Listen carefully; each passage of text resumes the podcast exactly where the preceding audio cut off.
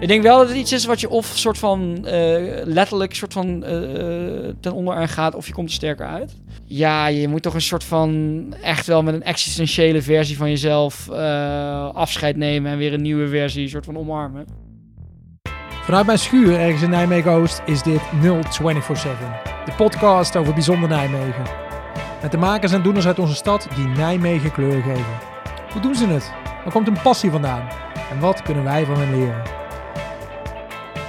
Mijn naam is Joris Vermeel en dit is aflevering 60 van 0247. Vandaag praat ik met Robin Burgers van D-Concern. Misschien wel de meest veelbelovende start-upper van Nijmegen. Over hoe hij op zijn 24ste zijn rug brak en hoe dankbaar hij daar nu voor is. Hoe hij op het juiste moment het juiste idee had en de juiste persoon tegenkwam, Mick, met wie hij het bedrijf D-Concern startte. En hoe zij nu, twee jaar later, al zeven man in dienst hebben en heel snel verder willen groeien. Robin Burgers, welkom op de podcastbank. Dankjewel. Nou, je, je zei net dat je er al een paar geluisterd had. Dan weet je ook wat die eerste vraag gaat zijn, want die hou ik er gewoon altijd in. Vertel. Robin Burgers, hoe zou jij jezelf aan de mensen die jou niet kennen introduceren? Wie is Robin Burgers? Vertel op. Ja, ik ben eh, ondernemer in Nijmegen. Eh, heb hier het eer om hier te mogen zitten omdat ik de start-upper van het jaar eh, gewonnen heb. in oktober uit mijn hoofd. Eind oktober. Eind oktober, dus dat was een hele eer. En daar heb ik jou ook leren ont- ontmoeten. En, ik mocht uit de ehm, bol aan elkaar praten. Ja, precies. Dat was wel, was wel een heel grote eer. Vond ik heel leuk. Ehm, en ik denk, eh, ik ben eigenlijk de inhoudelijke kant en de, en de commerciële kant van D-Concern. En dat is een bedrijf wat eh al het gedoe omtrent PFAS en Chrome 6 probeert op te lossen en probeert te vinden voor zowel overheden en bedrijven. En dat klinkt heel heftig, maar dan moet je denken aan nare, kankerverwekkende, moeilijke stoffen. Nou, die moet je natuurlijk uitfaseren, moeten weg. Nou, wij helpen de overheid eh, met het eh, controleren van de bedrijven. En wij helpen bedrijven met zelfcontrole, zodat ze weten of ze die stoffen hebben en hoe ze er dan vanaf moeten komen. Yes. Nou, ik kan me zo voorstellen dat dat niet is waar je op je zesde van droomt. Van ik ga een eh, bedrijf starten in de zeer zorgwekkende stoffen. Nee, dat klopt, dat klopt. Dat is ook niet hoe dat dingen gegaan zijn. Maar ik denk ook dat ik... Ja, god, wat droom je überhaupt als je zes bent? Nou, vertel eens, wat Eh, wilde jij worden toen je vroeger zes was? Ik weet het eigenlijk niet. Ik heb eigenlijk geen idee. Ik- geen brandweerman, geen piloot, geen politieman. Die drie in ieder geval niet. Maar je ging gewoon naar school, je ging gewoon naar de middelbare school. En wat ging je doen studeren? Ja, scheikunde. Dus in die zin is dat natuurlijk wel redelijk logisch. Dus ik heb daar scheikunde gestudeerd en ik vond scheikunde een fantastisch mooi en prachtig vak. Maar ja, god, al dat eh, gevaarlijke stoffen in mijn handen hebben en de hele tijd allemaal dood en verderf eh, reacties mee doen. Dat vond ik niks. Dus uiteindelijk eh, besloot ik heel snel niet meer in het lab te willen staan. Daaruit ben ik gaan werken als veiligheidsman, als wetgevingsspecialist. Nou goed, en, eh, en daaruit is eigenlijk de hele eh, uitdaging die ik gezien heb ontstaan. En zo dus ook de, de, het bedrijf.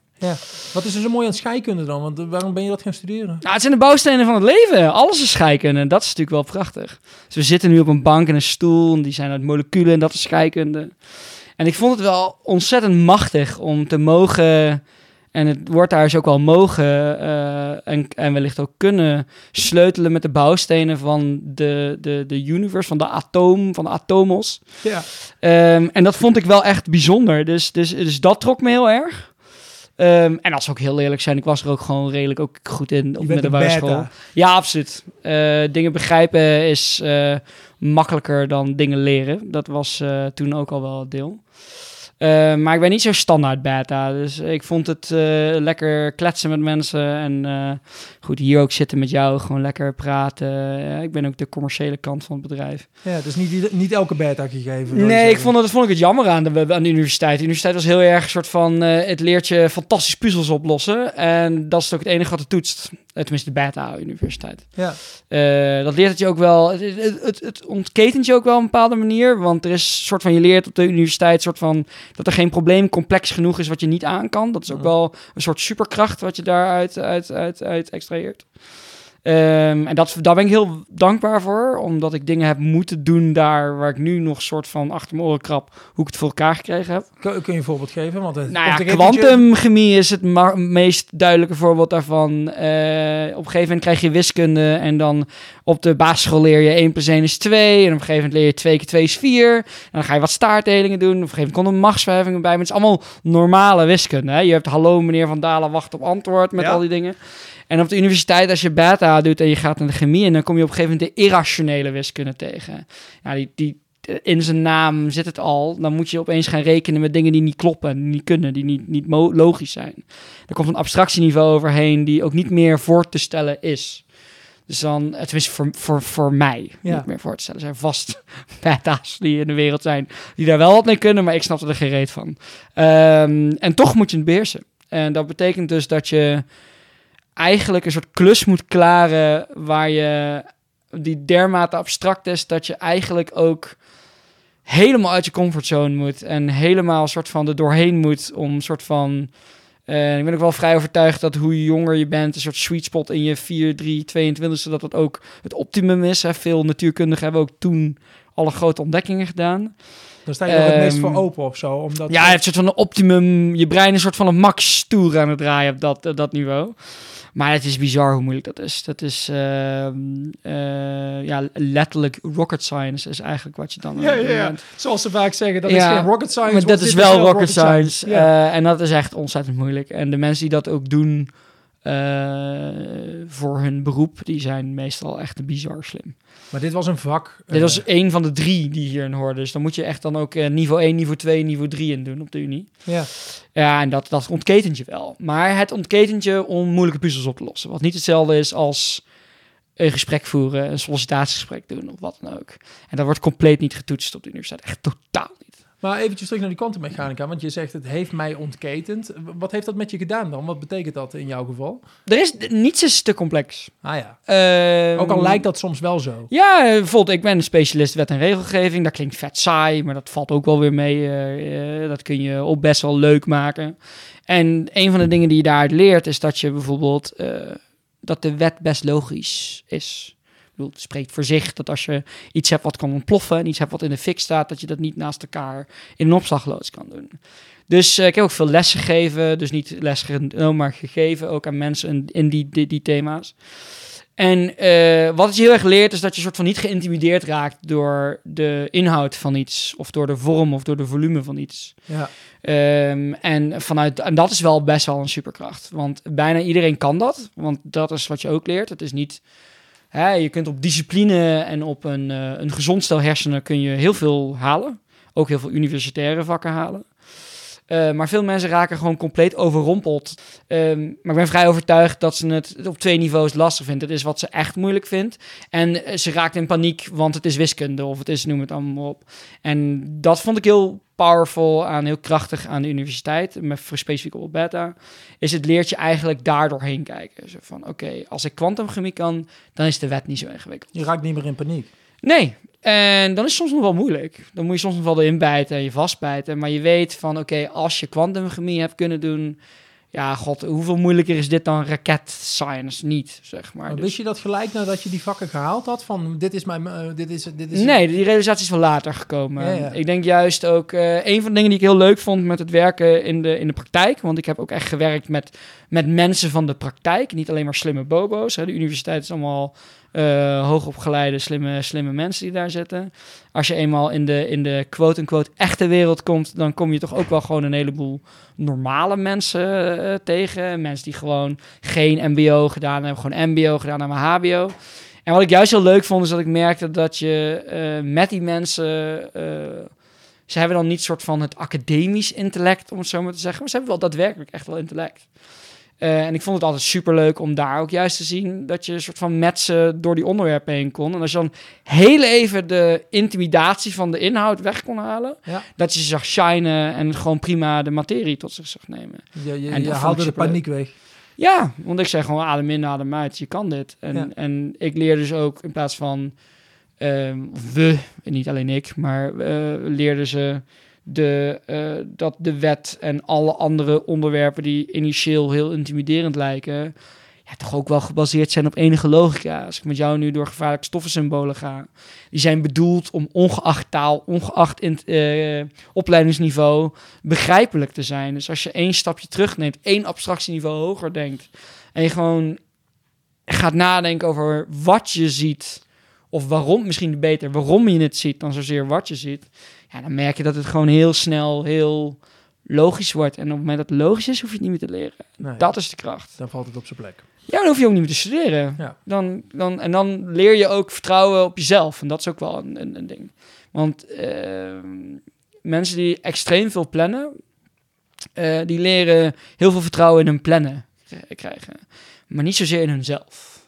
Dus als je niet de kans krijgt om te plannen, ben je in paniek. Want je hele strategie is, ik plan secuur. Ik heb alles onder controle. Ja. En ja, ik heb keihard geleerd en dan ace ik de toets. En ik vond het veel interessanter en dat leerde mij die beta-opleiding heel erg. Want het is alleen maar begrijpen eigenlijk vooral. Sure, een beetje leren, maar veel begrijpen. Nee, wat nou als je gaat begrijpen wat je aan het doen bent, dan hoef je niet meer te onthouden. Want als je die logica loops door hebt, dan kun je gewoon in elke situatie gewoon opnieuw de rekensom maken en dan kom je tot het antwoord. Maar hoe, wat is het verschil tussen leren en begrijpen? Hoe leer je begrijpen? Eh, leren vind ik zelf een beetje eh, Franse woordjes uit je hoofd stampen, zeg maar. Mhm. Ehm, in scheikunde zou je kunnen denken het periodiek systeem uit je hoofd leren of zo. Mhm. Eh, het is een soort van feitjes leren, kennis leren. Je bent goed in een pubquiz als je leert, zeg Ja. maar. Eh, je weet heel veel dingen op te noemen, heel veel... ehm, ehm, ja, goed, zo- zoals ik al zei, Stampen. je pubquiz, stampen, precies, stampen. En begrijpen is eh, de onderliggende connectie eronder snappen en zien. Het is de klassieker dat je dan eh, iemand bijles geeft of zo van de middelbare school. En die zegt dan, wat is het antwoord? En dan is het echte antwoord is, het antwoord is totaal niet interessant. Snap je de rekensom? En daar zit het antwoord ergens in. En dat kun je natuurlijk heel makkelijk in de wiskunde zien, want you know, de rekensom moet je oplossen.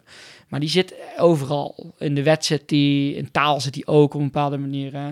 Veel mensen die bijvoorbeeld Latijn geleerd hebben, kunnen veel beter al die talen begrijpen, omdat er een soort van onderliggende flow in zit die, die al die talen verbindt met elkaar.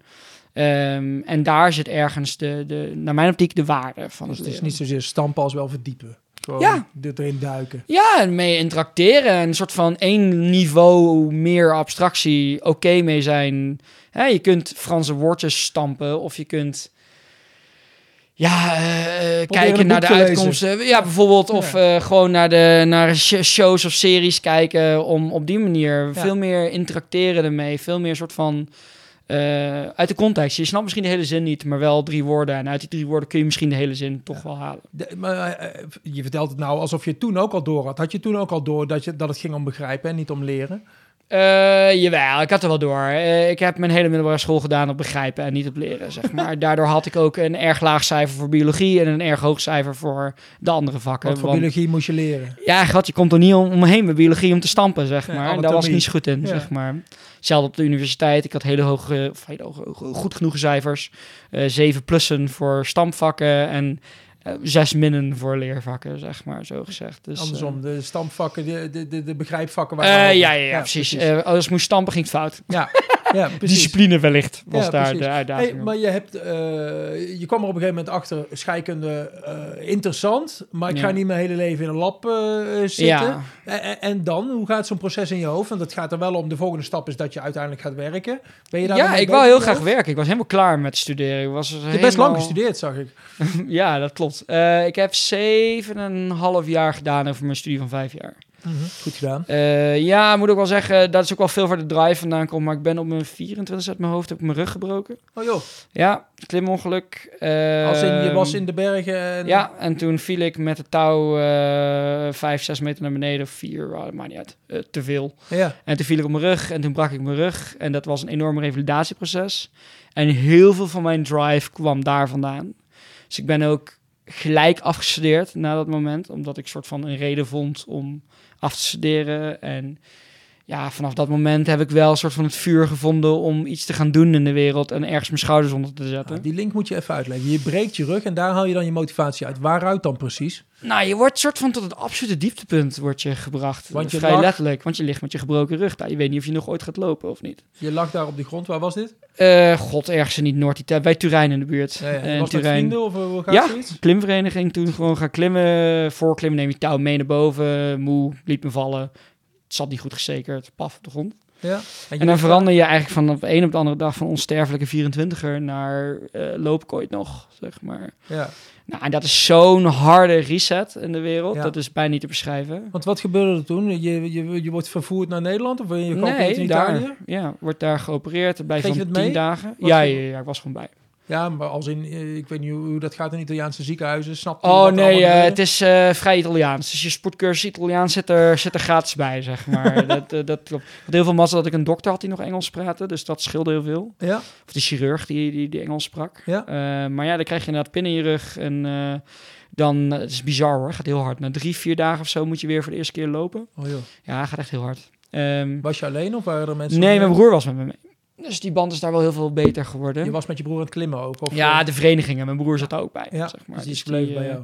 Ja, dat heeft hij heel goed gedaan. Dus Ja. daar, daar, daar word je echt met, echt met rock bottom geconfronteerd. Ja. Echt rock bottom. Ja. En dan ehm, kijk je jezelf in de spiegel aan en dan ben je toch niet zo tevreden over wie je daar ziet. Wat zag je dan? Eh, iemand die niks afmaakte. Dat was vooral wat Iemand ik, die eh, niks afmaakte. Nee, het lukte me voor geen meter om de studie af te maken. Ik had er ook gewoon geen enkele... Dat was het nadeel van studeren. Hè? Voor wie doe je het echt? Zeg maar. Eh, zit iemand echt te wachten op je verslag van je, van je stage? Niemand geeft er echt om.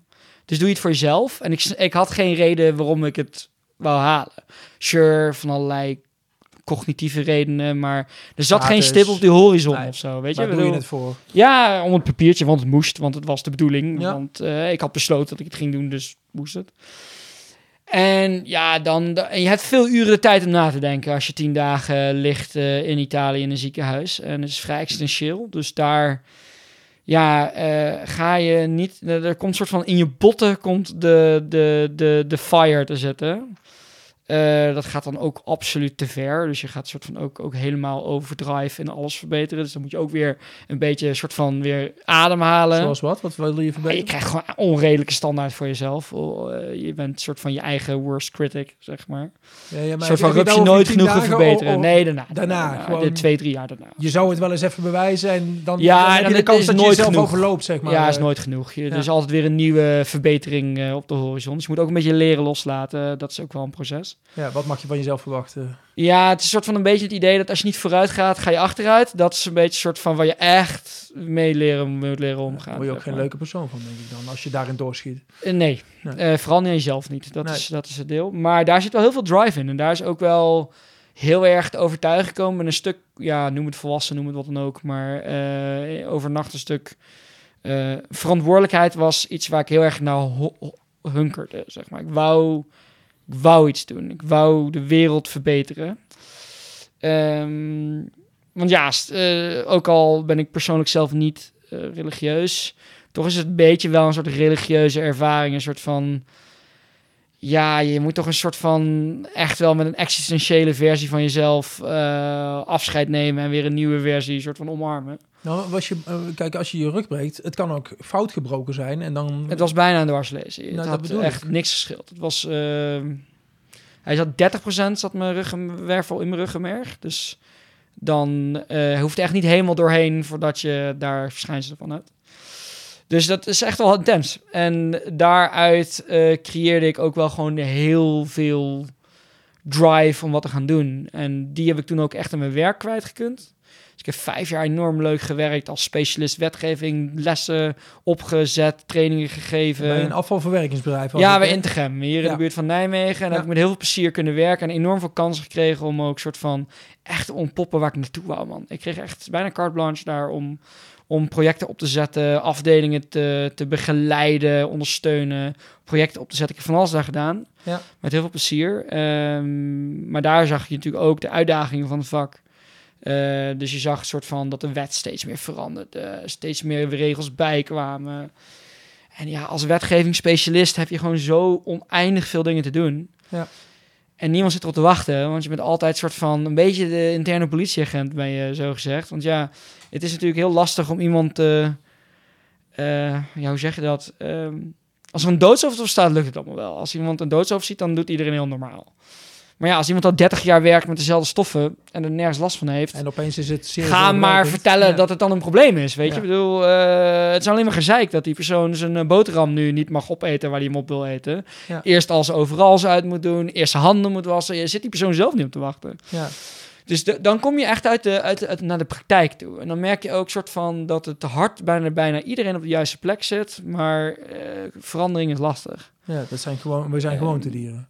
Ja, en als je 20 jaar werkt met gevaarlijke stoffen, dan verandert dat naar stoffen, niet naar gevaarlijke stoffen. Dat is Ja. natuurlijk ook heel logisch. Ja. Hetzelfde wat we, wat we natuurlijk allemaal ook wel ervaren. Ik weet niet of je wel eens mountainbiked of iets in die trant. Eh, de eerste keer dat je mountainbiked en je die berg afroetst, dan vind je het doodeng. En de, de twintigste keer dat je dat doet, is het normaal. Ja. Eh, dan denk je niet, eens- dan ben je alleen maar bezig met de thrill van de snelheid of zo. Maar, met, eh, maar je bent niet echt, niet echt bezig met de risico's. Terwijl de eerste keer ben je veel voorzichtiger en dat soort dingen. En de werkelijkheid ligt natuurlijk ergens middenin. Ja. Van het is overdreven om alles te behandelen alsof het soort van, eh, weet ik veel, chroom 6 is of zo. Dat is ook overdreven. Maar tegelijkertijd moet je je eigen gezondheid wel serieus nemen. Ja. Hey, je, je gaat nou heel snel, hè? want je gaat van het vallen van je rug, zit Ja. je opeens nou trainingen te geven. Ja. Daartussenin zit nog het afmaken van je studie. Ja. Daar zit ook nog een revalidatie tussen. zo, dat kan je wel zeggen. Hoe lang heeft je revalidatie geduurd? En wanneer... Eh, ik denk actief anderhalf jaar. meen je niet? Dus dan ben je dagelijks tot bijna dagelijks ermee bezig. Dus dan moet je echt fysio, leren staan, leren, dat soort dingen allemaal. En ik denk passief eh jaar of vier, vijf of zo. Eh, en nu, wat kun jij niet, wat ik misschien Ik- nog wel kan? Kan denk ik alles. Echt waar? Dus ja, misschien ben ik iets minder flexibel, want ik heb wel echt een brug in mijn rug. Oh, ik ben ook niet zo Ja, maar er zit, er zit een, echt een, een brace in mijn rug. Dus ik heb echt eh, brace. boven de breuk Ja. eh, zitten twee ruggenwervels. Ja, En die daarboven en daaronder, onderbreuk, zit echt met een, met een brug vast aan elkaar. dus er zit, er Dus zit- die, die, ruggenwervel die verbrijzeld is, die is helemaal soort van ont, ontzorgd, zo gezegd. ja. Hè, een grappige woordkeuze natuurlijk, maar goed. Vanuit, eh Vanuit die concern, precies. Ja. Ehm, nee, dat was wel pittig. Dat, eh, dat, dat leert je ook wel. Ook weer daar leer je weer van hoe ga je nou om met tegenslagen? Wat voor waarde haal je ernaar uit? Ja. Hè, want dat ironische genoeg, Joris, vind ik ook dat... En ik ben benieuwd of mensen daarmee resoneren of zo. Maar ironisch genoeg, uit, uit lijden komt ook veel, veel, veel betekenis. En het is niet alleen maar de, de, de, de, de, soort van... Oh, je hebt een tweede kans om iets te doen of zo. Nee, maar hoe je omgaat. Hè? De mensen waar je met, met, met, naar opkijkt. De, de, de, de, de helden van de wereld. Hè? De, de, de, de Mandela. De, mensen die dingen tegenslagen te verwerken hebben en dan een hoofd omhoog houden en er doorheen gaan. Daar, en dat, dat, dat, dat merk je ook als je daar zelf soort van mee. Iedereen heeft wel iets meegemaakt en het, het maakt niet echt uit hoe je reageert, maar meer hoe je omgaat met hoe je reageert. Hè? Ik bedoel, het is belangrijk. Het is oké dat je verdrietig bent, maar wat doe je met je verdriet? Zeg Ja. maar. Het is oké dat je boos bent, maar wat doe je met je boosheid? Wanneer, wanneer kon jij dit zien? Want het klinkt alsof je... En tijdens dat traject. Veel met psychologen natuurlijk ook. Dat kon je eh, toen al gelijk zien. Want het klinkt Nee, bijna... nee, nee, dit is een soort van de samengevatte quote-unquote wijsheid van, eh, van zeven jaar Ja, eh, ermee bezig zijn. Want het klinkt als nu alsof je er dankbaar voor bent. Absoluut. Ja. Ik denk ook, dit is de ironische zin, maar ik wens soms ook wel, zeker mensen in de twintiger tijd die een beetje niet weten wat ze moeten doen, ook Even soms een, beetje een rugbreuk metaforische rugbreuk eh, toe. Ik denk wel dat het iets is wat je of soort van eh, letterlijk soort van eh, ten onder aan gaat, of je komt er sterker uit. Ja. Want ik heb ook wel mensen meegemaakt met ongelukken die, die ook er niet uitkomen. Dus die ook soort van continu blijven hangen in wat ze niet kunnen in plaats van en wat ze verloren hebben in plaats van een soort van kracht halen uit de revalidatie. Het vraagt wat van je en eh, jij hebt geprobeerd antwoord te geven. Ja, met mijn hele lichaam. Ja. Dus eh, ook een van de meest belangrijke dingen daarin was ook sporten. Dus ik ben vandaag bijvoorbeeld met mijn sportbuddy, kom uit de gym hier naartoe. Ehm, en ook daar zit ook een soort van bijna levensles in of zo. Van, eh, vanuit die, ik moest weer vertrouwen in mijn lichaam krijgen. Dus dat begint echt met een kilo. Ja, ze gewoon een spa roodfles, maar dan niet de grote, zeg maar. Optillen en dingen mee doen. En ja, nu ben je gewoon echt veel zwaarder. Je creëert weer vertrouwen in je lichaam. En dat is ook een heel proces. Ja, terwijl Maar je- dit gebeurde op je 24ste. Je bent nu 33. Dus Bijna. Ja, het, is, het, is nog, het is een jaar of acht geleden dat dit gebeurde dan. Eh, jij doet de rekensom. Ik eh 6 plus 2, ja, 8 jaar. Ja, Jij bent de beta. maar Ja, goed. eh, ik ben dat niet. Dus zo lang is het nou helemaal niet geleden. Nee, het voelt al een leef, eh, lifetime ago. Ik, Ja. herinner, ik herinner me ook... Ja, ik herinner me zat van de periode daarvoor. Maar het, is, het voelt als een andere persoon die Ja. daar daarvoor was. Dus, je, eh, je ging werken, je kwam terecht bij Intergem. Ja. Ehm, ehm, eh, je, je mocht eigenlijk alles doen wat Ja, je was ook wilde. cool. Ik Ja. wou eigenlijk geen labfunctie. Dat was de enige eis die ik had. Toen kwam ik aanwandelen, bijna letterlijk. Eh, dus ik had via via kreeg ik een, eh, gewoon een kennismakingsgesprek met de directeur daar. En er was helemaal geen functie. En toen ben ik daar naar binnen gelopen. En toen klikte dat toch gewoon wel heel erg. En ik denk dat dat een combinatie was van persoonlijkheden die gewoon goed, eh, goed klikten. Maar ook wel een soort van eh, verwachtingspatroon wat ik soort van anders deed. Want hij nodigde een beta scheikunde uit. En ik kreeg een vlot gesprek, zeg maar. Dus Mhm. hij was er dermate gecharmeerd van dat ik uiteindelijk voor een tweede en uiteindelijk voor een derde gesprek uitgenodigd werd. En toen creëerde ze gewoon eigenlijk een baan voor mij. Die baan was eigenlijk van ga maar gewoon lange termijnwaarde bieden aan het bedrijf. Eh, eerst commerciële invalshoek, later viel die weg. En was vooral intern met projecten en wet en regelgeving. En toen was het bedrijf had uitdagingen op het wet en regelgeving vlak. En toen ben ik daar gewoon ingesprongen. Toen ben ik gewoon, omdat ik zoiets had van ja, eh, volgens mij moeten we hier meer, meer schouders onder. Toen ben ik maar gewoon gaan doen. Ja. En ben gewoon maar de wet gaan lezen. Want ja, god, moet toch iets beginnen. Dus... Want een bedrijf als Intergem, dat moet zich houden aan een heleboel wetten. ja, enorm veel. Ja. Ja. Maar, maar, d- d- komt erop neer dat je zorgvuldig om moet gaan met, met, met, met Ja. zeer zorgwekkende stoffen, dat is het? Nee, veel breder nog. Dat is- zeer zorgwekkende stoffen zijn eigenlijk een subcategorie van hele nare, hele kankerverwekkende, moeilijke stoffen. Ja. Eh, dan heb je daarboven een soort schil. Dat is dus eigenlijk een soort van de grotere groep. Zijn de gevaarlijke stoffen. Dan moet je denken aan dingen die in de fik vliegen. Dingen waar je eh, corrosie, zuren, logen, dat soort dingen. Dingen die eh, onder een gas, de, een drukhouder zitten. Dat soort dingen. Eh, en dan heb je nog een enorm grote schil eromheen van alle stoffen. Dus dan praat je ook over water uit je kraan en noem het Ja. allemaal op. Ehm, maar je hebt eigenlijk op alle niveaus heb je regels. Voor, alle, voor stoffen heb je regels. Want je moet registreren wat je doet, zeg maar, ongeacht wat het nou precies is. Voor gevaarlijke stoffen heb je regels. Je moet ze verantwoord opslaan. Je moet ze eh, verantwoord gebruiken. Je moet ze, als je ze verkoopt, netjes registreren. Bepaalde documentatie geven natuurlijk. Ik bedoel, de hele eisen aan vast. En voor de zeer stoffen zitten extra regels in. Dat zijn dus die Chrome 6 en die PFAS'en en zo. Hè, je hoort daar zat dingen voor in het nieuws. Die moet je eigenlijk uitbannen. Dus die zijn eigenlijk zo problematisch dat ze zeggen, die moet je vanaf. ja. En dat is wat wij doen. En wie is ze? Ze zijn toezichthoudende organen natuurlijk, denk ik. Eh, nee, de ze die er vanaf moeten zijn de bedrijven die ermee werken. Maar wie zegt dat ze? eh, Eh, zegt ja, de overheden, zeg maar. Ja. De maar over- eigenlijk de maatschappij in algeheel. Hè? Want de, Ja. de toezicht- en vergunningverleners zijn eigenlijk maar de nederige ambtenaren die de handen, ogen en oren zijn van de maatschappij. Precies, dus je hebt twee Dus, partijen. de, de, de partij die zegt dat, we er, dat je er wat mee moet en dat ook moet controleren. En je hebt de partij die er wat mee moet. Ja, En jij werkt bij een partij. en wij zitten eigenlijk in het midden en we helpen dat vlak aan beide kanten. Je, je zegt nou wij, dat is die concern. Ja. Je maakt nou een stap in de, in de toekomst. Maar Ja. toen zat je bij het bedrijf dat er wat ja, en toen moest. werkte ik aan die kant om eigenlijk de, de, de, de, het voldoen aan wet en regelgeving te regelen. Hoe, hoe ging dat in zijn werk? Want hoe, hoe moest Ja, je, zoals hoe dat moest je zoals in veel eh, manieren gaat. eh, er zijn uitdagingen met wet en regelgeving. Die eh, stoffen, die moet je goed registreren. registratiesystemen die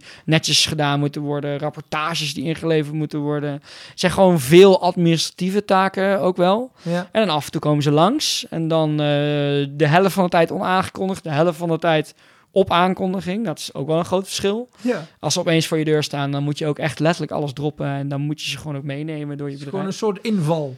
Ja, maar dan ehm, zonder... eh, je moet wel zien als soort van... ehm, kijk een beetje naar jezelf, hè. Je, je kunt met je kind afspreken... hey, eh, vanavond om zes uur kom ik kijken of je je kamer opgeruimd hebt. Dat is een andere zin dan... Hallo, ik kom even kijken of je kamer opgeruimd is. Eh, je hebt een soort van... Dus ook niet een gelijkwaardige positie heb je daarin, hè. Dus je bent eh, verantwoordelijk om aan de overheid... een soort van de, de vaderlijke, moederlijke overzichtmaatschappij... moet je eigenlijk een soort van verantwoording afleggen. En het is een heel ander soort verhaal. Het is niet zozeer dat ze komen invallen... maar meer dat ze weten dat er een verschil is tussen het onaangekondigd doen. En hoe beter je relatie is, hoe minder ze onaangekondigd En als het goed is, heb je je kamer opgeruimd. Dus heb je ook geen probleem. Ja, goed, maar de praktijk is natuurlijk de praktijk. Dus eh, jouw kind heeft ook wel eens iets liggen slingeren. We zijn mensen en mensen maken fouten. En het is bijna nooit kwaadwillig. Het is bijna altijd on onwetendheid. Uit gemakzucht, weet je. Ik bedoel, eh, hoe makkelijk is het om toch even net iets sneller te doen? Ik bedoel, en daar was, was mijn taak om iedereen daar bewust van te maken. Eén, met Ja. trainingen en opleidingen. En anders ook wel een beetje de politieagenten om eens te zeggen van... hey, als intern persoon van... hey, oh, niet doen. Incidenten komen natuurlijk ook wel eens voor om die te registreren, om daar eh, zorgen wat lessen daaruit komen. En ja, dat is eindeloos veel te doen, joh. Dat is, eh, daar help ik ze nu ook mee, weet je. Dat is het Ja. hele idee. En Ik- dat is ook het moeilijke, want je wil, je wil het goed doen. maar ja, het is, het is soms wel lastig, joh. De realiteit. Ja, en je, je moet ook als, dit soort, als je deze functie doet, als je de wet en regelgeving bij bedrijven probeert op het niveau te krijgen wat het moet zijn, en sterker nog, eigenlijk nog een steekje beter, want je wil altijd beter, ja, dan moet je een bepaalde integriteit hebben die ook met het onderwerp gem- ge- gemoeid gaat. Hè? Ik bedoel, je, moet- een speciaal soort mens zijn om de politieagent van de eigen organisatie te willen zijn. Weet je, Ja. dat is een ander soort persoon. Eh, die mensen zijn vaak ook, hebben vaak enorm hart voor de mensen die daar werken. Zijn vaak veel, we hebben niet altijd een dank afgenomen, maar zijn vaak heel erg begaan met de gezondheid van de mensen. En op het moment dat dingen dan ook niet lukken, omdat je gewoon geen resources hebt, of de regels gaan te hard vooruit, of eh, de mensen hebben er geen zin in. Ja, dan, dan word je ook, ook heel echt frustrerend zijn. aangetast in je Ja, eigen integriteit. En daar is ook die, die, die, daar is ook die concern uit ontstaan. Nou, dat, daar wil ik naartoe. Want eh, je, je hebt een eigen bedrijf. Ja. Eh, ehm, ehm, nog niet zo heel lang. Vertel eens, hoe is dat tot stand gekomen? Waar Ja, we zijn, eh, nou, daar is het eigenlijk ook uit tot stand gekomen. Op een gegeven moment werden we geconfronteerd met de vragen omtrent de zeer zorgwekkende stoffen, die kankerverwekkende nare dingen. Ja, toen moesten we zoveel dingen doen, zoveel controle uitoefenen, dat ik dacht van, ja, wow, ik kan dat helemaal niet in mijn eentje. Want dat was gewoon administratieve rompslomp. Ja, maar je gewoon eindeloos door documentatie heen en eindeloos Handmatig. controleren. Je had ja, toen de handmatig, ja. Ja. Dus inderdaad, je moest door, dat heet dan veiligheidsbladen. Dat zijn dan documenten die je dan eh, bij het aanschaffen van dit soort chemicaliën krijgt. Mensen die daarmee te werken, die weten vast waar ik het over heb. Eh, maar goed, 30 jaar de standaard in de chemische sector. Nou, daar moest je echt met de handen doorheen. En dat was eindeloos veel werk. En ja, dan word je heel gefrustreerd dat je het niet voor elkaar krijgt. Of in ieder geval niet hè, met mijn integriteit een 8. Ik wou een 10 inleveren en je levert dan een 6 in. Want zo. jij moest al die stoffen die jullie gebruikten, Ja, er waren er zo'n 10.000 of zo. moest jij in kaart brengen. Ja. in hoe ver je ze gebruikte. Waar ze dan... Ja, je ziet dat is natuurlijk ook wat je veel ziet. Je ziet dat dat gewoon niet te doen is. Dus Nee. dan krijg je steekproeven. En steekproeven doe je met alle goede bedoelingen. Maar dan voel je je natuurlijk ook niet helemaal lekker bij. overheid ook niet. Eh, en dan ga je op zoek naar een werkbare situatie. En op een gegeven moment dacht ik van, wat zijn we aan het doen, jongens? We zijn 21e eeuw, wat doen we hier? We zijn handmatig dingen aan het we, doen. wat zijn we voor handmatig gedoe aan het doen? Die wellicht ook geautomatiseerd zouden kunnen worden. ja, en toen ben ik naar Mick gegaan, mijn, eh, mijn co-founder. Mijn, Wie, is, eh, wie mijn, was Mick? Hoe kende je Mick? En Mick ken ik via via. Dus gewoon via een vriend. Is er iemand waar je altijd wel een leuk gesprekje op een barbecue mee gehad hebt, maar nooit jouw vriend, mijn vriend. Gewoon, you know, zoals je er wel tien kan opnoemen. Ja. En eh, Mick had een eigen bedrijf in, eh, in Londen, deed hij daar. En eh, dat was met corona was dat, was dat anders gegaan dan die gehoopt had. Opdrachten drogen op, want de hele wereld was natuurlijk achter slot en grendel. Ja. Ehm, en toen eenmaal in Nederland, toen begonnen we te praten. En ik wist dat hij best wel goed is. Hij is erg goed in het maken van een prototype. Dus sommige mensen zijn heel zuiver in coderen. Kunnen heel mooi iets heel netjes maken. Mick kan een soort van in twee weken een demo uit elkaar raffen. Maar hij is een soort developer, moet, Ja. ik, moet ik het zo zien? Beetje een soort van eh, combinatie eh, kunstenaar, eh, softwareontwikkelaar, eh, eh, pionier, eh, visionair, zeg maar. Weet je, dat is Mick. maar hij heeft iets in zijn hoofd, maar hij kan het dan ook nog maken. Ja. En dan gaat het En dus Mick over heeft software. vaak, nee, ook wel om dingen maken ook echt. Hij heeft ook echt, als je zijn portfolio ziet, allemaal vette dingen gemaakt. Ja, zoals wat? Ehm, eh, lampen die, Nee, niet waar lampen. Eh, audio die met elkaar interacteert. eh, een stoel die op je rug kan hangen. Het is echt allemaal kunstzinnige dingen. Dus, eh, maar Mick dat is kan- niet waar jij voor bij Nee, totaal kan. niet. Hij zit nu in een hele andere hoek. Eh, maar wat Mick heel erg goed kan, is eh, het prototype zien in, eh, in, in wat je doet. Dus je wil helemaal niet drie jaar lang een product ontwerpen. Nee, je wil een quick and dirty product hebben wat je met een klant kan bespreken, waarvan je direct kunt zien of het toegevoegde waarde is en dan paf door. En dan met die klant samen gaan praten om te kijken wat, heeft, wat moet een specialist die met die stoffen werkt nou echt doen? En wat moet een controleur die die stoffen moet controleren nou echt controleren? Want het heeft niet zoveel zin om in je ivoren toren te coderen en te bedenken wat al die mensen in de praktijk moeten doen. Nee, je moet met de mensen gaan praten. Je moet, je moet die, die inzichten gaan ophalen en daarmee, hè, dat is dan ook wel, noemen ze de lean methodiek. Hè, dat is dan van Eric Wise uit mijn hoofd. Maar het is echt dat je soort van op gaat halen in de praktijk wat er aan de hand is. Ja. En dan pas gaat coderen, dan pas gaat bouwen, dan pas gaat maken. Maar ik wil even terug naar die eerste middag of avond dat jij eh, Mick belde en Ja. zei van, hey, ik, ik zit nou allemaal handmatig rotwerk te doen. Ja. Dat kan vast ook automatisch. Mag ik eens een biertje met je, met je drinken? Dit ongeveer exact hoe het gegaan is. Ongeveer exact. Eh, waar, waar- waar zag je elkaar?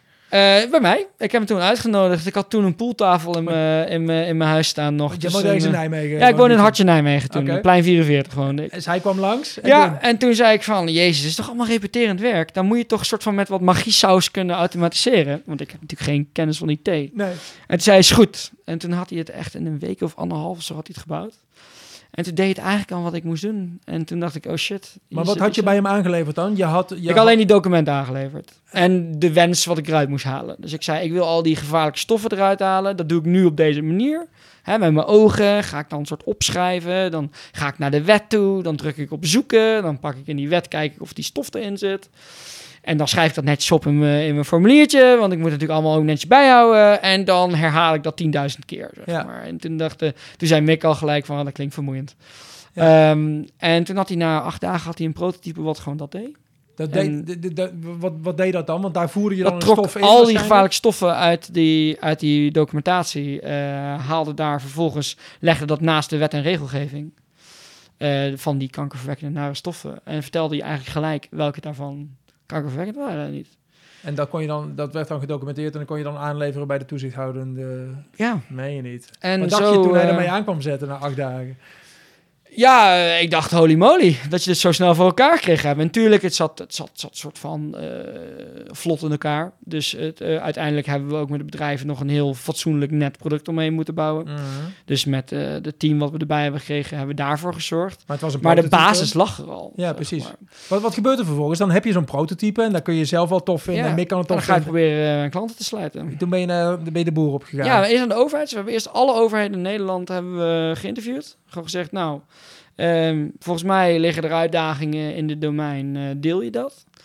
Eh, overheden bleken toen ook heel open, heel fijn, heel prettig. Ook heel erg duidelijk met ze gesproken over een soort van, nou we, willen je helpen. Ehm, overheden deden met eer en geweten natuurlijk al die controles, maar moesten genoodgedwongen natuurlijk steekproeven uitvoeren. Want als jij 10.000 stoffen, als bedrijf 10.000 stoffen moet controleren, moet overheid natuurlijk eigenlijk ook 10.000 stoffen controleren. Ook handmatig. Ook handmatig. En dan niet bij één bedrijf, maar bij eh slordige 12.000 bedrijven per lokale overheid. Ja. Ja, dat is natuurlijk eindeloos veel werk. Dat kan niet. Daar, Ja. daar heb je niet genoeg mensen voor. Dus zij waren hier ook blij mee. Dus wij hebben toen tegen hen gezegd, nou, we hebben hier een mooie, mooie prototype. Zou het dus wel eens nuttig kunnen zijn? Er zijn een paar hardlopende overheden geweest die gelijk met ons eh, mee, eh, mee wouden doen. En eh, toen zijn we samen met hun eigenlijk wat verder gaan ontwikkelen. Dat is de ene kant. En aan de andere kant hebben we, hebben we ook de, de bedrijven benaderd en gekeken van oké, wat voor rapporten moet je nou aanleveren? En we zijn heel duidelijk eerst op dat ene vlak gebleven. Dus onze software doet nu al een stukje meer dan alleen maar die kankerwekkende stoffen. Maar we dachten, we doen eerst die scalpel, gaan eerst daarop zitten. En ondertussen gaat het echt wel heel erg lekker. Maar toen kwam je erachter, oké, overheid zit erop te wachten, bedrijf zit erop te wachten. Werkt hij toen ook bij Intergem? Of had je al zoveel vertrouwen in dit product dat je dacht, dit gaat het worden, dit gaat mijn nieuwe... Nee, ik werkte niet meer bij Intergem. Ik, had, eh, ik heb toen eh, tegen mijn directeur toen gezegd, eh, mijn oude directeur, van ik wil, ik wil stoppen. Want ik ga voor mezelf beginnen. Ehm, ik had toen een beetje zoiets van met Sam, samen met mijn partner samen, zijn we eigenlijk vanaf moment één gewoon vol erin gesprongen. Dus het was gewoon echt gewoon eh, geen, eh, geen eh, twijfel go, zeg maar. Ja, want hier is markt, wij hebben een mooi product, die twee gaan bij elkaar komen, je had er vertrouwen in. Ja, en wat ook wel mooi was, is dat we zoiets hadden van ja, als het niet lukt, lukt het niet. En dan is dat ook wel een leuk verhaal zo. Je, bedoel, het zal. Ehm, we geloofden wel dat het ging lukken. En we zijn nu ook op een mooie plek dat je ook kunt zeggen dat het best wel gelukt is. Ja. Ehm, maar eh, ja, we waren, we waren met z'n tweeën, hadden we gewoon zin in. We hadden gewoon zoiets van, dit is een nieuw avontuur, let's go. Ja. En ik werkte al vijf jaar bij het oude bedrijf. Dus dat was ook wel weer een soort van... Tijd voor een change of scenery of zo. En, en- en wanneer, eh, wanneer ging je er geld aan verdienen? Wanneer durfde je er geld voor te vragen? Want hebben we eigenlijk gelijk gedaan. heb je gelijk gedaan. Ja, want dat is ook die, die, die methode. hè. Je niks, je, als iets gratis is, bewijs je niks. Nee. En eh, het hoeft niet duur te zijn, dat is dan even een andere kant. Maar als je. eh, ze hebben dat gelijk gedaan. We hebben gelijk gewoon met onze klanten gezeten van, nou ja, goed, eh, dit is de prijs. En, en dan, dat is heel eng, maar dat is ook wel oké op een gegeven moment. Ja, want, dan, want als ik hier nou kijk, en dat geldt voor alle goede uitvindingen natuurlijk. Het was eigenlijk bizar dat dit nog niet bestond. Ja, ja. Maar Ja, dat geldt voor dat. alle goede ideeën natuurlijk. Ja, het is ook wel, hoe zeg je dat? Een, ehm, een samenkomst van omstandigheden. Weet je, je zit in het begin van deze wet en regelgeving. Ehm, je hebt eh, de sweet spot van.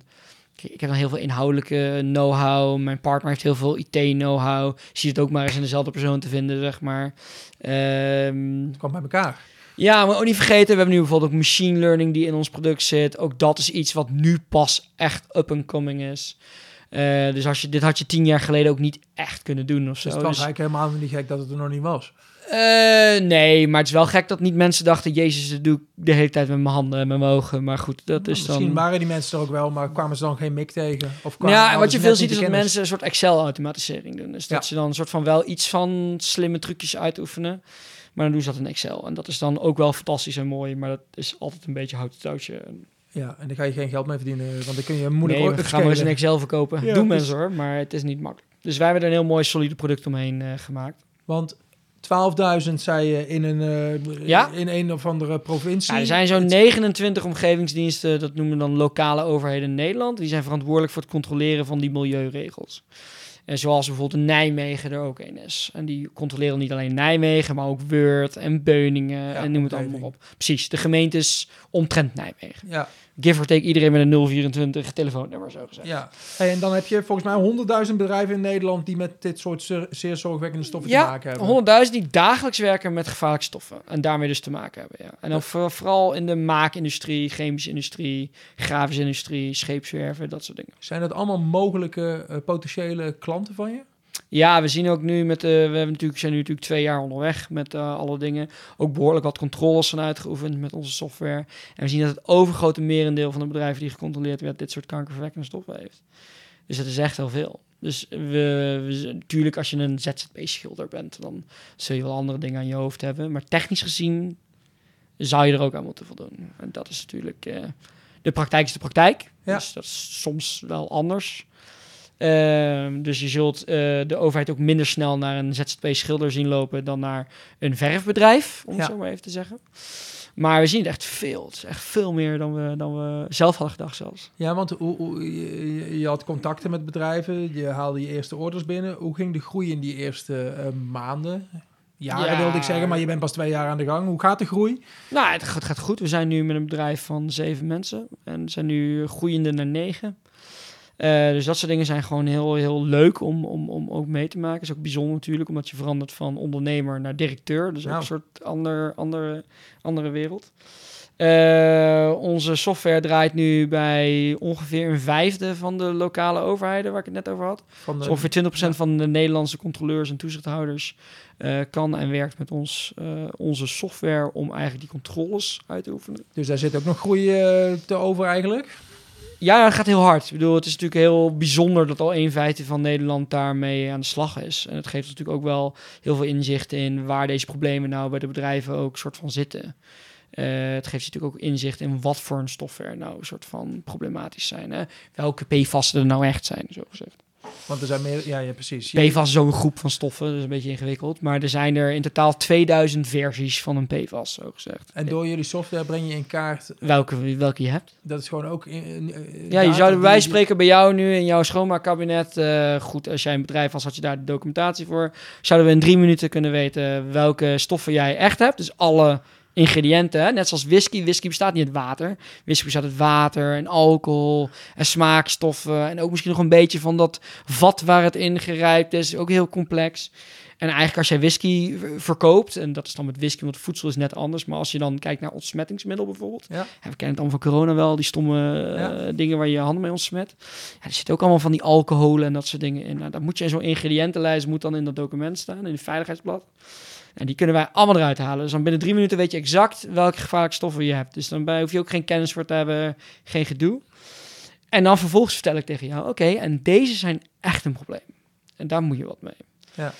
Nou, en vervolgens helpen we je natuurlijk ook met de rapportages die eruit moeten komen. En we zijn nu ook aan het kijken of we je kunnen helpen met de alternatieven te vinden, zeg maar.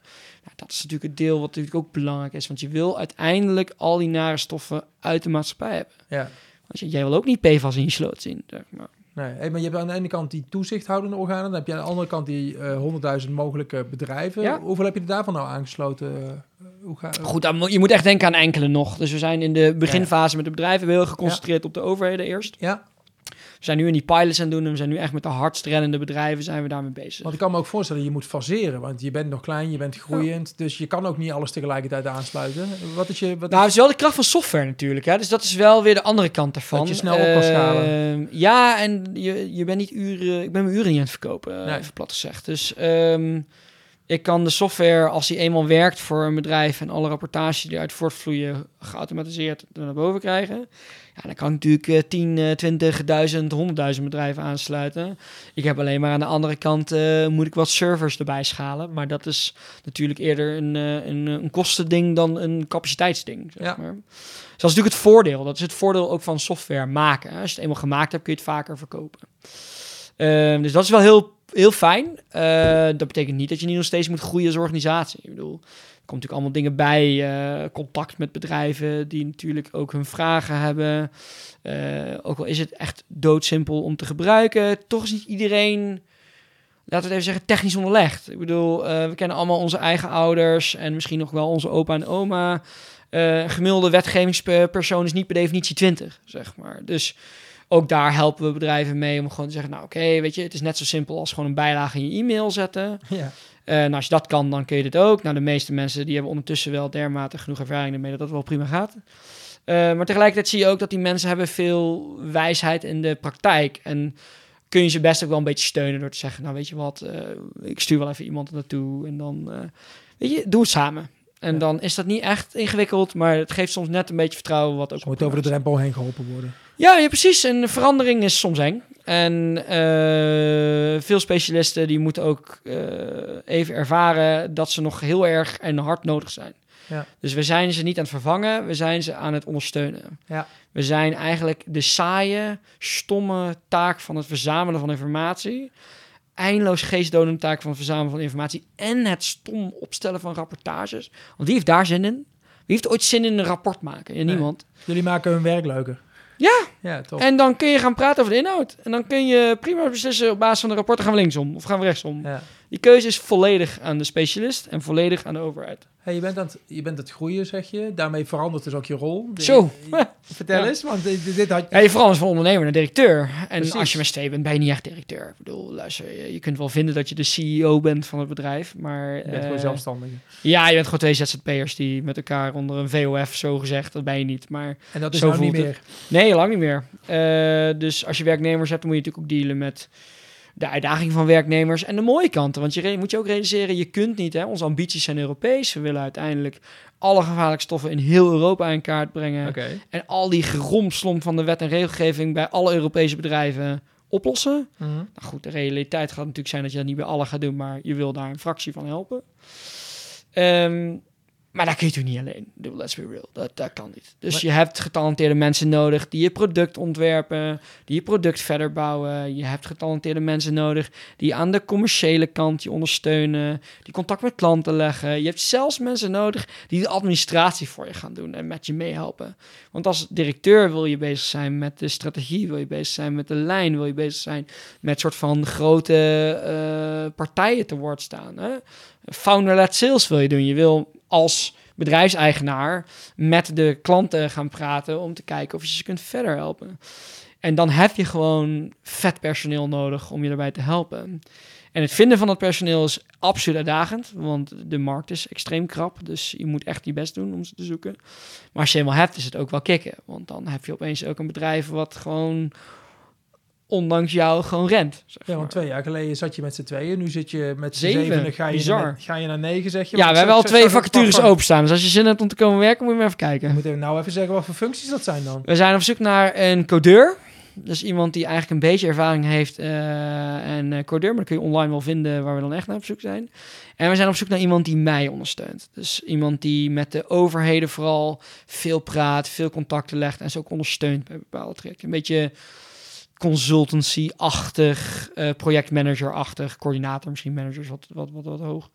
Ehm, waarin je een soort van een derde van de tijd eh, coördineert en eh, leiding geeft. En een twee derde van de tijd uitvoert en in de trenches meedoet, zeg maar. Kun je het? Ben je ervoor gemaakt om een directeur te zijn? in Ik vind het wel heel leuk. Wat ik vind het wel leuk leuk aan. Ik vind het echt zo kicken om. ik heb dat heel erg van Mick geleerd. Mick die heeft mij laten zien dat je ehm, als directeur is je rol om je medewerkers zo goed mogelijk te ondersteunen, zodat zij gaan floreren. Mhm.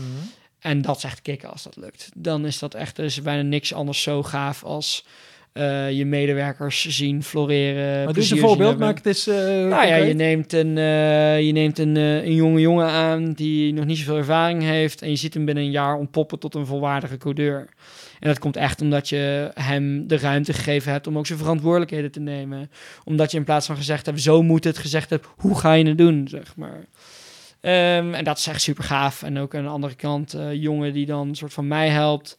Dan zie je ook dat die soort van gretig aanpakt. En dan help je hem te begrijpen wat zijn rol is. En op het moment dat hij begrijpt wat zijn rol is, dan rent hij vet hard. En dan is dat kei leuk. En je zegt net, dat, dat heb ik van Mick geleerd, maar, Ja, god, eh, ook wel van mezelf natuurlijk. Maar, maar, maar, maar Mick- hoe, hoe zorg je ervoor dat jij jezelf verder blijft ontwikkelen? Eh, want dat lijkt me wel lastig in jouw positie, want je bent bezig met je bedrijf eh, verder gestalte te geven. Je bent mensen aan het aansturen.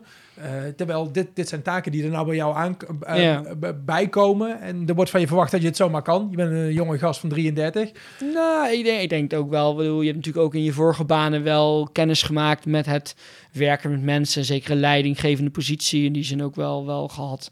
Eh, het aansturen van mensen, het motiveren van mensen is daar niet vreemd.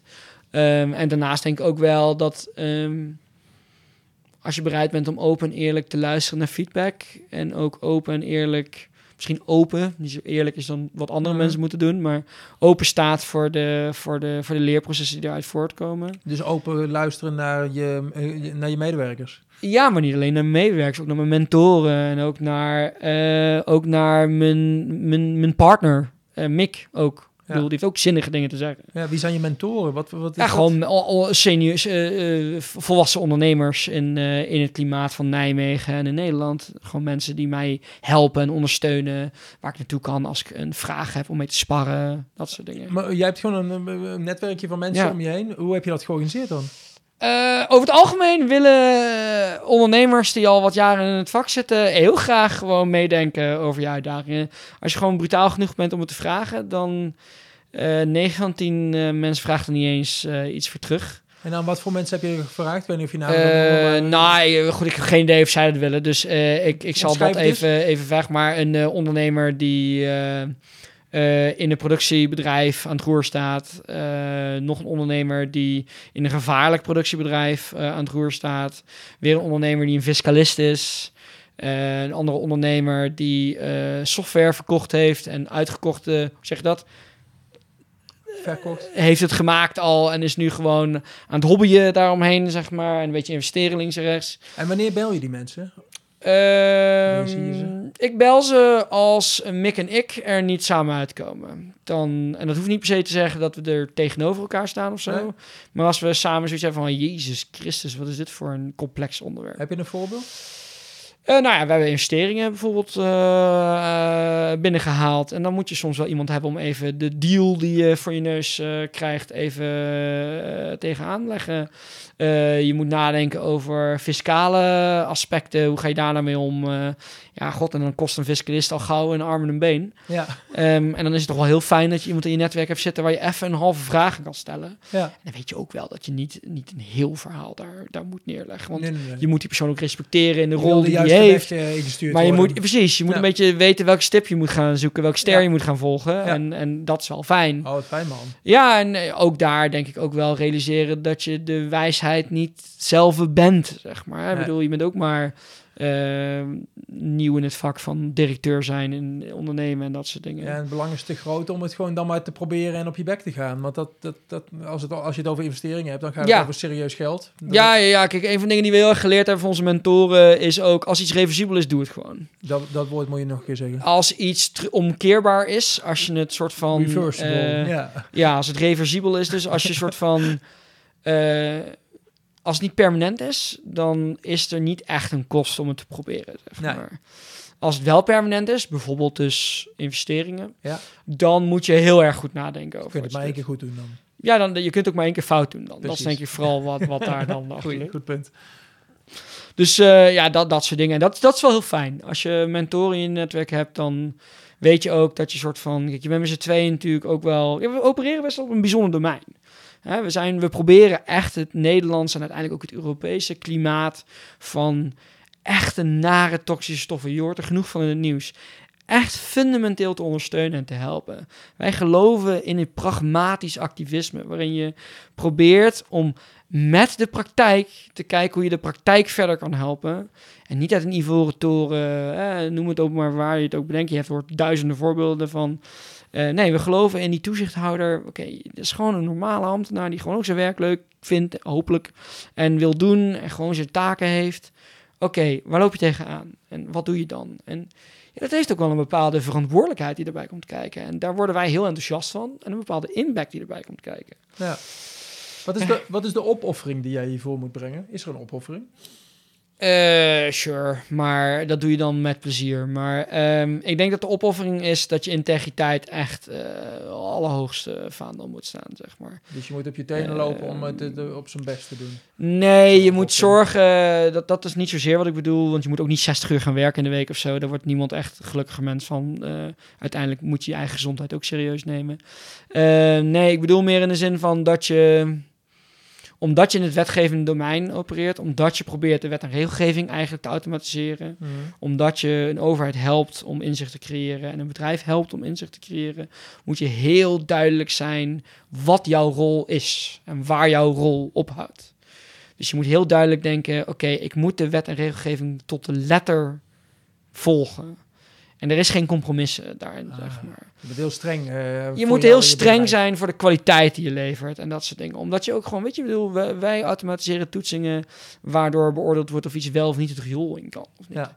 Weet je, dat is best wel een serieuze verantwoordelijkheid. Op het moment dat dat ja is of nee is, dan gaat er daadwerkelijk ook in de praktijk iets het riool in of niet, zeg maar. Ja, wat, wat betekent dat je in je dagelijkse werk daar heel scherp op moet zijn? Is dat Ja, dan, is dat dus je moet de goede kwaliteitscontrole moet Ja, je erin in, in doen. Maar je moet ook soort van... Kijk, fouten kun je natuurlijk allemaal maken. Dat is menselijk. Eh, maar je moet wel genoeg kwaliteitscontroles inbouwen... zodat je product een zekere vorm van kwaliteitswaarborging heeft. Ehm, en dat betekent ook dat... eh, ja, Mick en ik daar ook wel mee gemoeid moeten zijn. En, ook in contact moeten blijven. Je moet zorgen dat iedereen waarmee je werkt als eerste stap heeft, ja, die, die heren van die concern, die, die staan voor kwaliteit, die staan voor integriteit. Ja.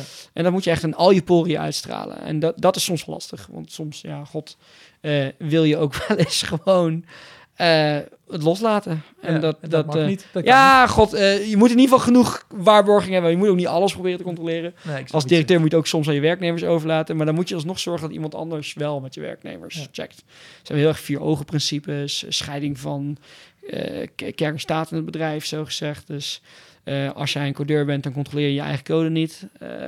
Als jij commercieel bent, dan kun je niet inloggen in de, in de, in de dingen. Dus je probeert heel Ah, duidelijk soort van de... Ja.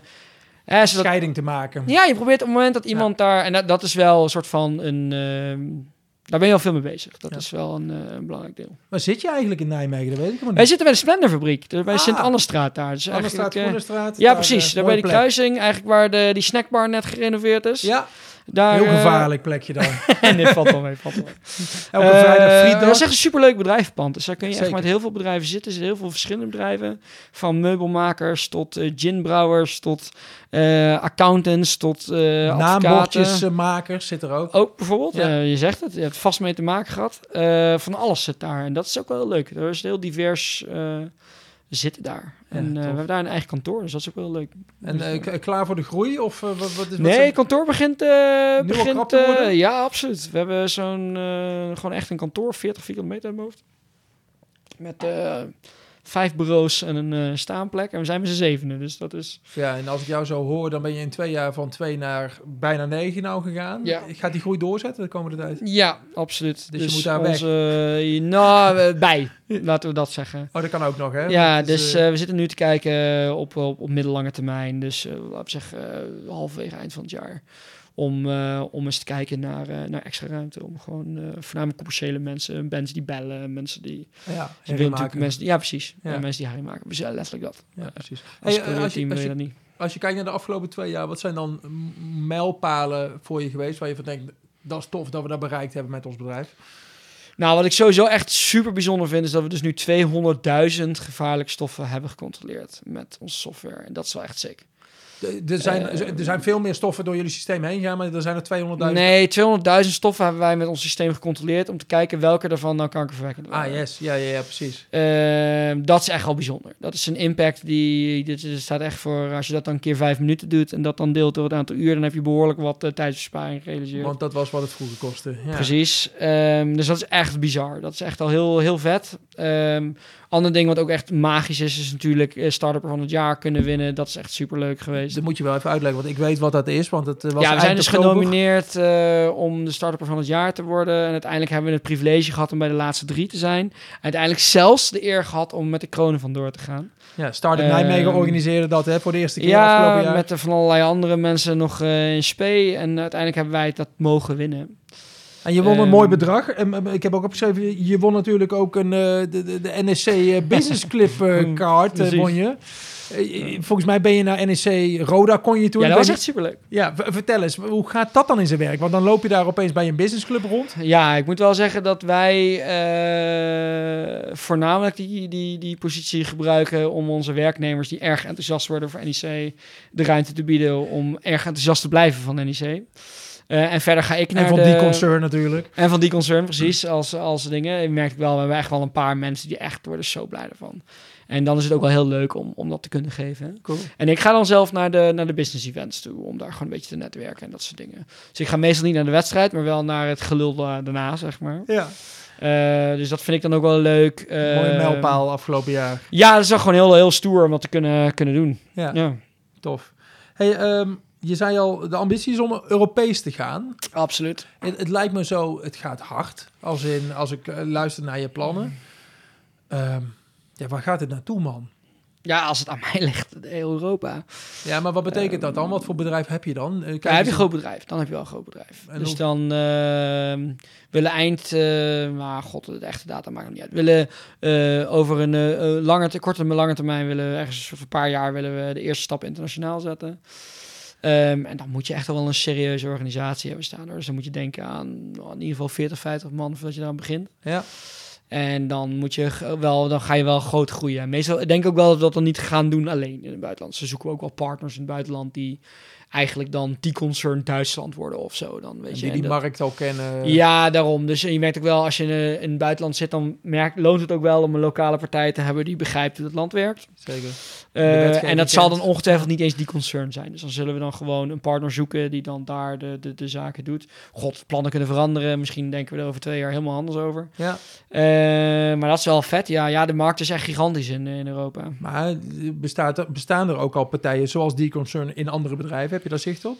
Natuurlijk hebben we daar zicht op. Eh, wij denken van niet. Eh, het is natuurlijk naïef dat je denkt dat je de enige bent in de hele wereld die dingen doet. Maar Soms we- worden uitvindingen precies tegelijkertijd op verschillende plekken in de wereld gedaan. hè? eh, we zien, we zien natuurlijk wel partijen die doen ook automatisering met wet en regelgeving. En wij doen onze eigen versie ervan, die, die toch wel uniek is.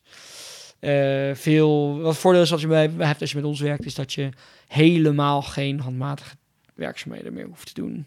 Dus alle dataverzameling, alle rapportage maken is allemaal geautomatiseerd. En daardoor, en heel veel andere partijen die al software doen, daar moet je nog wel handmatig invoeren. Dan krijg je, je precies. Ja. Dus moet je eigenlijk soort van je receptuurtje invoeren. En als je receptuur er uit? dan komt er wel uit wat eruit moet komen. Zeg Ja. maar. maar wij zorgen ervoor dat het eigenlijk helemaal eh ontzorgd is. Ja. Dus eigenlijk, hè, daar komt de naam ook vandaan. Hè, die concern ontzorgen. Eh dat is een beetje waar het, eh, waar het eh, grapje begonnen is. Ja. Zeg maar.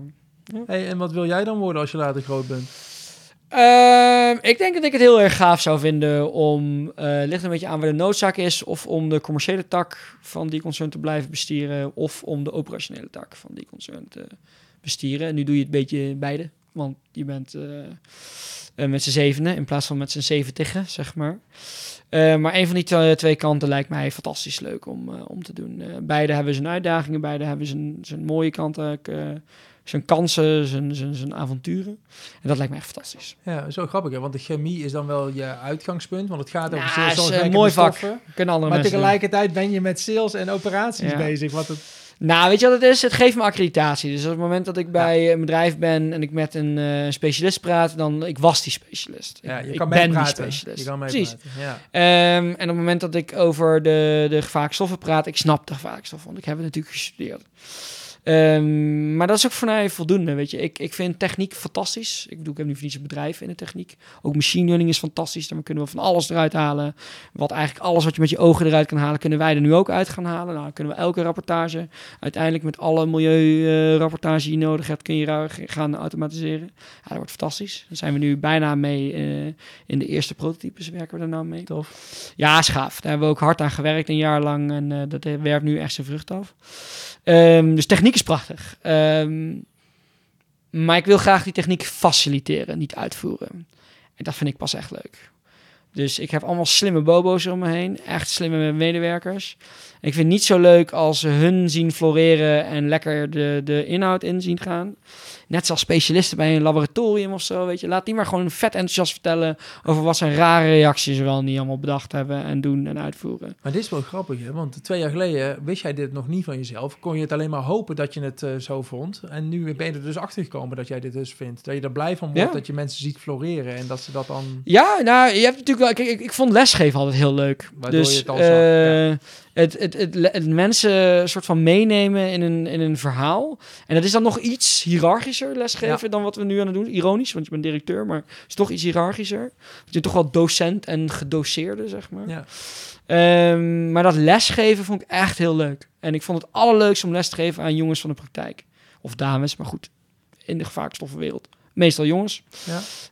Uh, dat is nog steeds wel vrij uh, vertegenwoordigd door uh, mensen die, die gevaarlijke stoffen in willen duiken. maar dat vond ik fantastisch. En dan de heren die binnenkwamen met volledig gedemotiveerd, gedesinteresseerd, moedje van het bedrijf. En die dan aan het einde van de training zeiden: Ja, weet je, misschien is het nog niet zo erg niet. En dat was natuurlijk een soort van extreme lof ja. voor wat je aan het doen was. Dus dat vond ik echt fantastisch. En het leuke vond ik om ze in te laten zien dat ze misschien geen universitair diploma hebben, maar ze wel een stel hersens hebben wat ze wat mee kunnen. Ja. Want eh, noem het street smart, noem het uh, praktijk, uh, intelligentie. die jongens weten donders goed wat ze doen.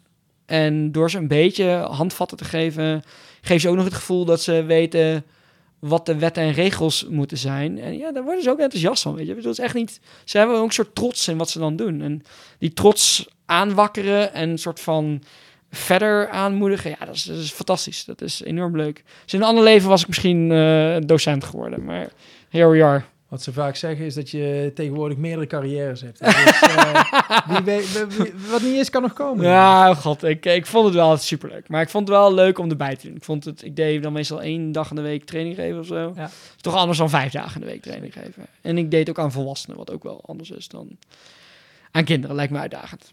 Hebben we het over zaken niet gehad waar je het wel met mij over dacht te gaan hebben? Heb, heb je al je one-liners eruit kunnen gooien? one-liners. Ik heb expres, expres geprobeerd niet te veel one-liners. Ik ben benieuwd of het gelukt is. Um, nou ja, dat, dat, als je dus werkt met gevaarlijke stoffen of je, je kent iemand die werkt met gevaarlijke stoffen, ja, neem even contact op, joh. Uh, Bam, en nog even een pitch aan het eind. Ja, ik bedoel, ik, uh, ik doe niets liever dan naar je luisteren en kijken waar je uitdagingen zitten. En dan kunnen we kijken als die synergie er is, hoe ik je verder kan helpen. Je bent een echte salesjongen geworden. Hoppa, toch? www.deconcern.nl, denk ik. Ja, hè? en dan Deconcern met D-E-C-O-N-C-E-R-N. Groetjes van Robin Burgers. Dankjewel. Dankjewel dat je er was, Robin. ik laat je gewoon betalen voor deze aflevering. Dankjewel, jongen. Geen probleem.